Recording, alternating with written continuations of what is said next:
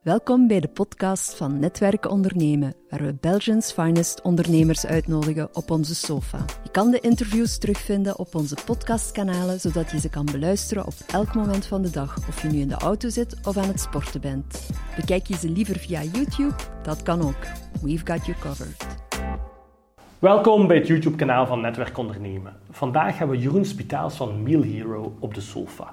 Jeroen, uh, welkom. Uh, eerst en vooral, ja, stel eventjes je, uh, jezelf voor en, en ja. Meal Hero, wat doen jullie juist? Ja, ik ben dus Jeroen, ben een van de drie oprichters van Meal Hero en de CEO daar ook.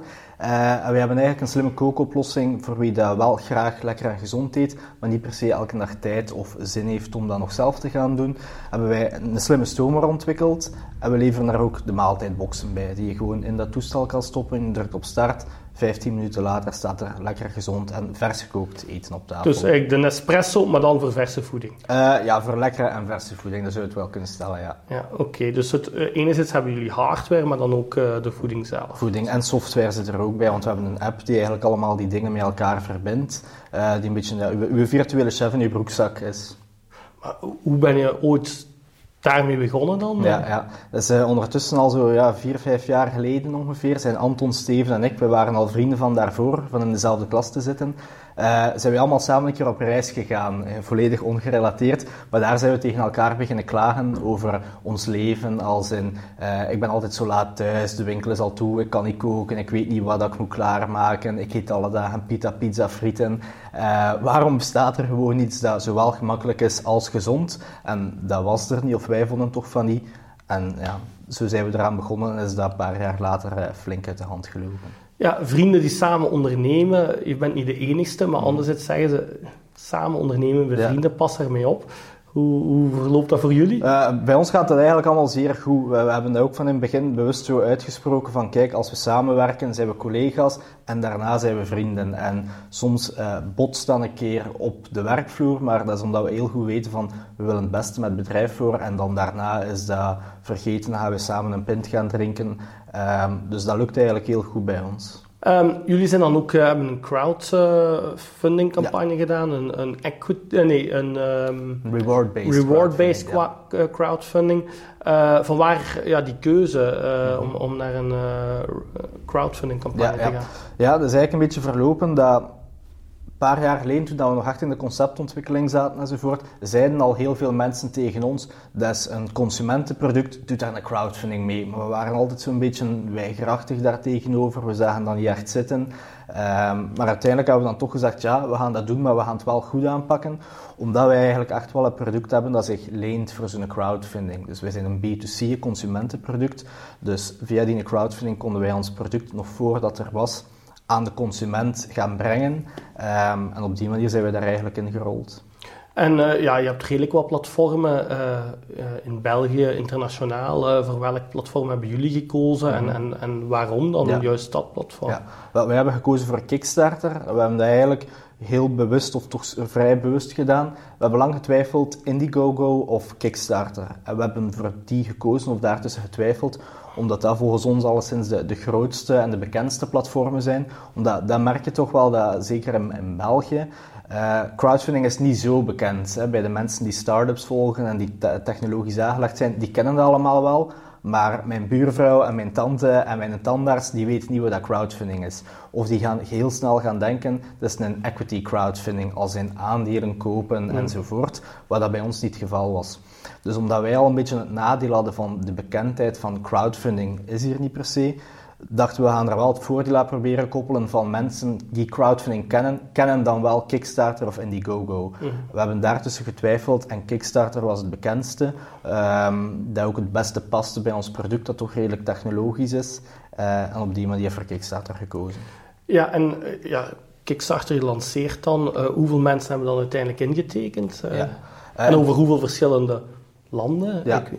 Wel, dat was ook een beetje een typische bij ons, dat de meeste crowdfunding projecten op Kickstarter toch, die zijn wereldwijd. Dus die gaan over de ganse wereld. Omdat dat heel vaak gaat over iets dat je over de ganse wereld kunt gaan shippen. Maar bij ons, wij zitten met die voeding. En wij kunnen mm. onze voeding niet gaan shippen naar Italië en Portugal en Sri Lanka en Singapore en noem maar op. Dus wij moesten eigenlijk geografisch gaan beperken. Wat dat vrij atypisch was en ook wel een moeilijkheid was daarbij. Naar België en Nederland. Dus we hebben dat gedaan, België-Nederland. Uh, en in totaal hebben ze 300 mensen uh, ingetekend op die crowdfunding uh, in november 2017. Oké, en oké, mensen tekenen in. Um, zag, je, zag jij het eerder als een marketingcampagne of effectief om, om zoveel mogelijk machines in de markt te krijgen en, en, en eigen proof of concept te ja, bewijzen? Eigenlijk een beetje allebei. Voor, ik denk dat meestal is het zo dat bij een crowdfunding campagne loopt dat zo in, een driehoek en je kunt dat doen om drie verschillende redenen. Eh, volgens mij toch zijn ja. enerzijds puur voorverkoop van je product, klanten binnenkrijgen, zijn een beetje uw proof of concept ook.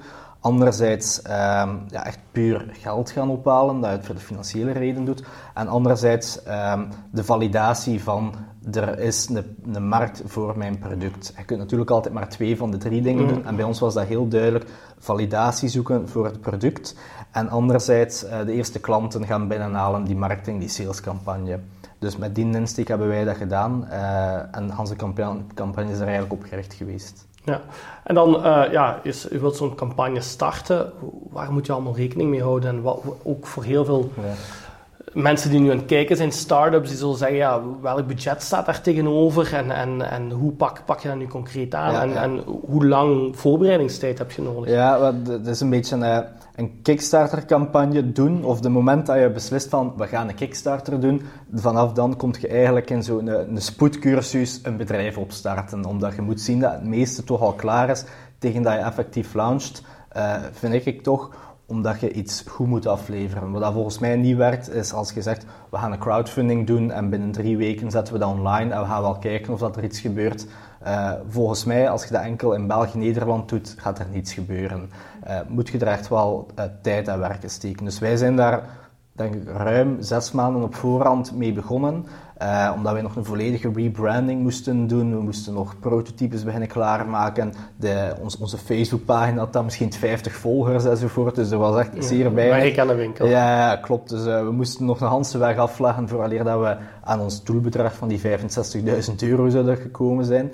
Um, en we zijn echt heel minuscuul beginnen voorbereiden. We hebben echt een planning gemaakt van oké, okay, we staan vandaag ik denk dat dat 1 april of 1 mei ongeveer was, hier. En op 1 november gaan we launchen. Dus die zes maanden daartussen, wat moet er nog gebeuren?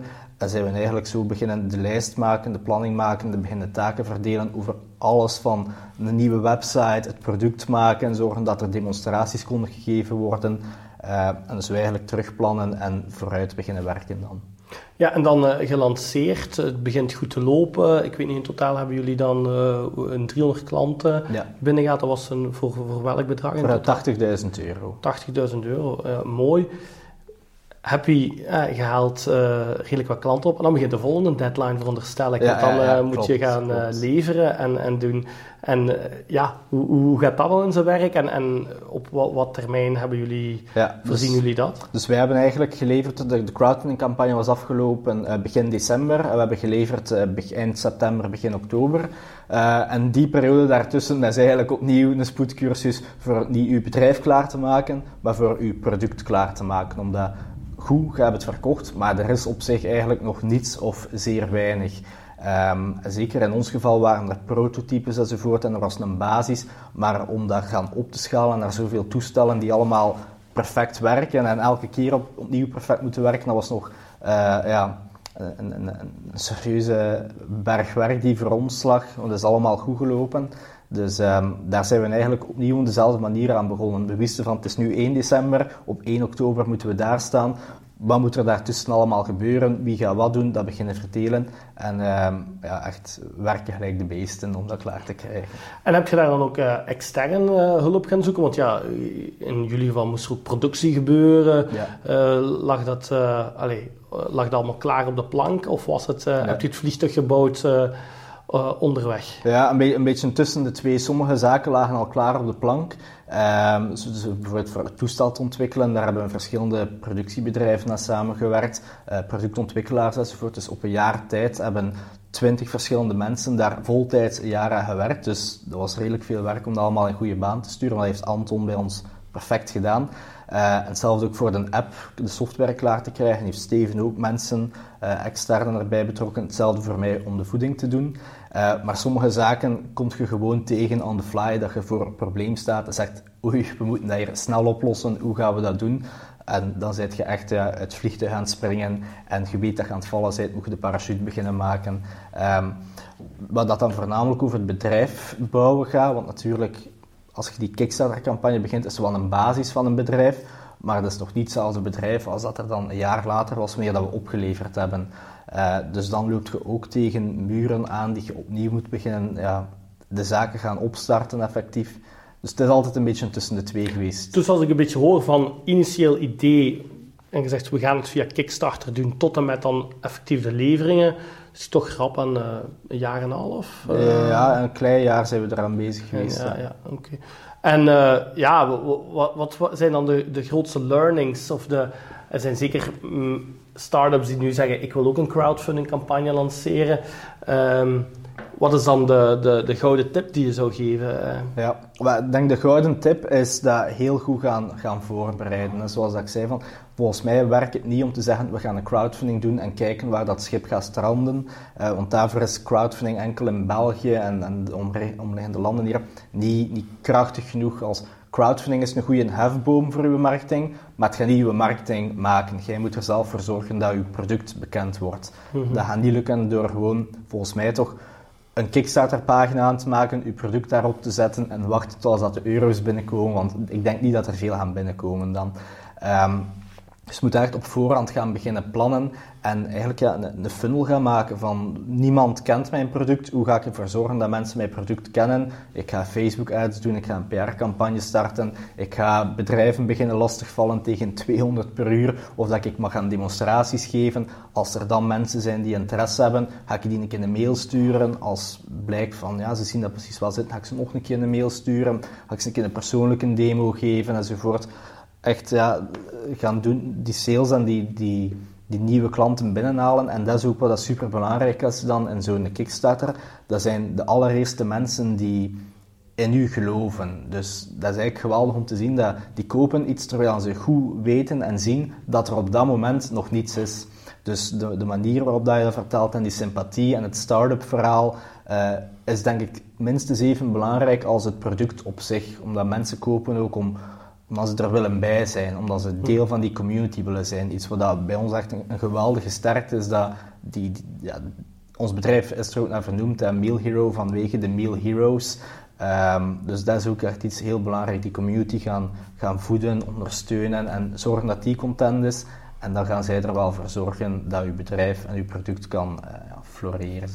En uh, wilt je ermee starten, wat budget moet men rekening mee houden? Volgens u, want ja, er kruipt ook wel uh, redelijk ja, zeker, zeker. Dat hangt een beetje af natuurlijk van welk product en welke markt dat gaat doen. Maar om een idee te geven, bij ons heeft dat zo'n 20.000, 30.000 euro budget gevraagd echt, waarin dat dan wel alles in zit. Zijn er vanaf de folders gaan printen, tot deelnames aan beurzen, tot een PR-campagne, tot een nieuwe website, tot ons prototype. Uh, maar dat, dat, is er wel ingekropen uh, om eigenlijk die marketingcampagne zes maanden op voorhand te gaan starten en ervoor zorgen dat niemand Meal Hero dan kende tot ja, veel meer mensen die Meal Hero kenden. Dus op die manier. En zou je het nog opnieuw doen?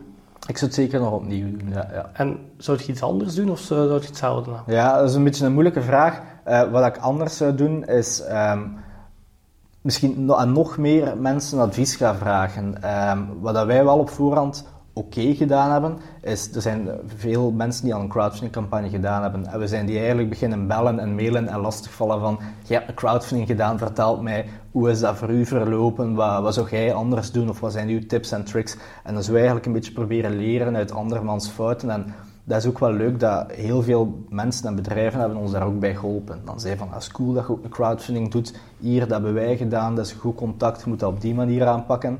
Um, maar nu zou ik dat misschien nog meer doen. In plaats van dat we dan in die zes maanden elke week een afspraak hadden met iemand om een beetje kennis gaan op te doen, zou ik misschien elke twee, drie dagen bij iemand gaan. zodat we echt een heel goed beeld hebben dat we niet moeten leren uit onze eigen fouten, maar nog meer kunnen leren uit iemand anders fouten. Uh, en zo de campagne ja, nog beter maken. Ja, maar dat doe je eigenlijk hier enerzijds giving back nu tot uh, de start-ups, want uh, je vertelt jouw verhaal nu en jouw ervaring voor mensen die uh, willen opstarten.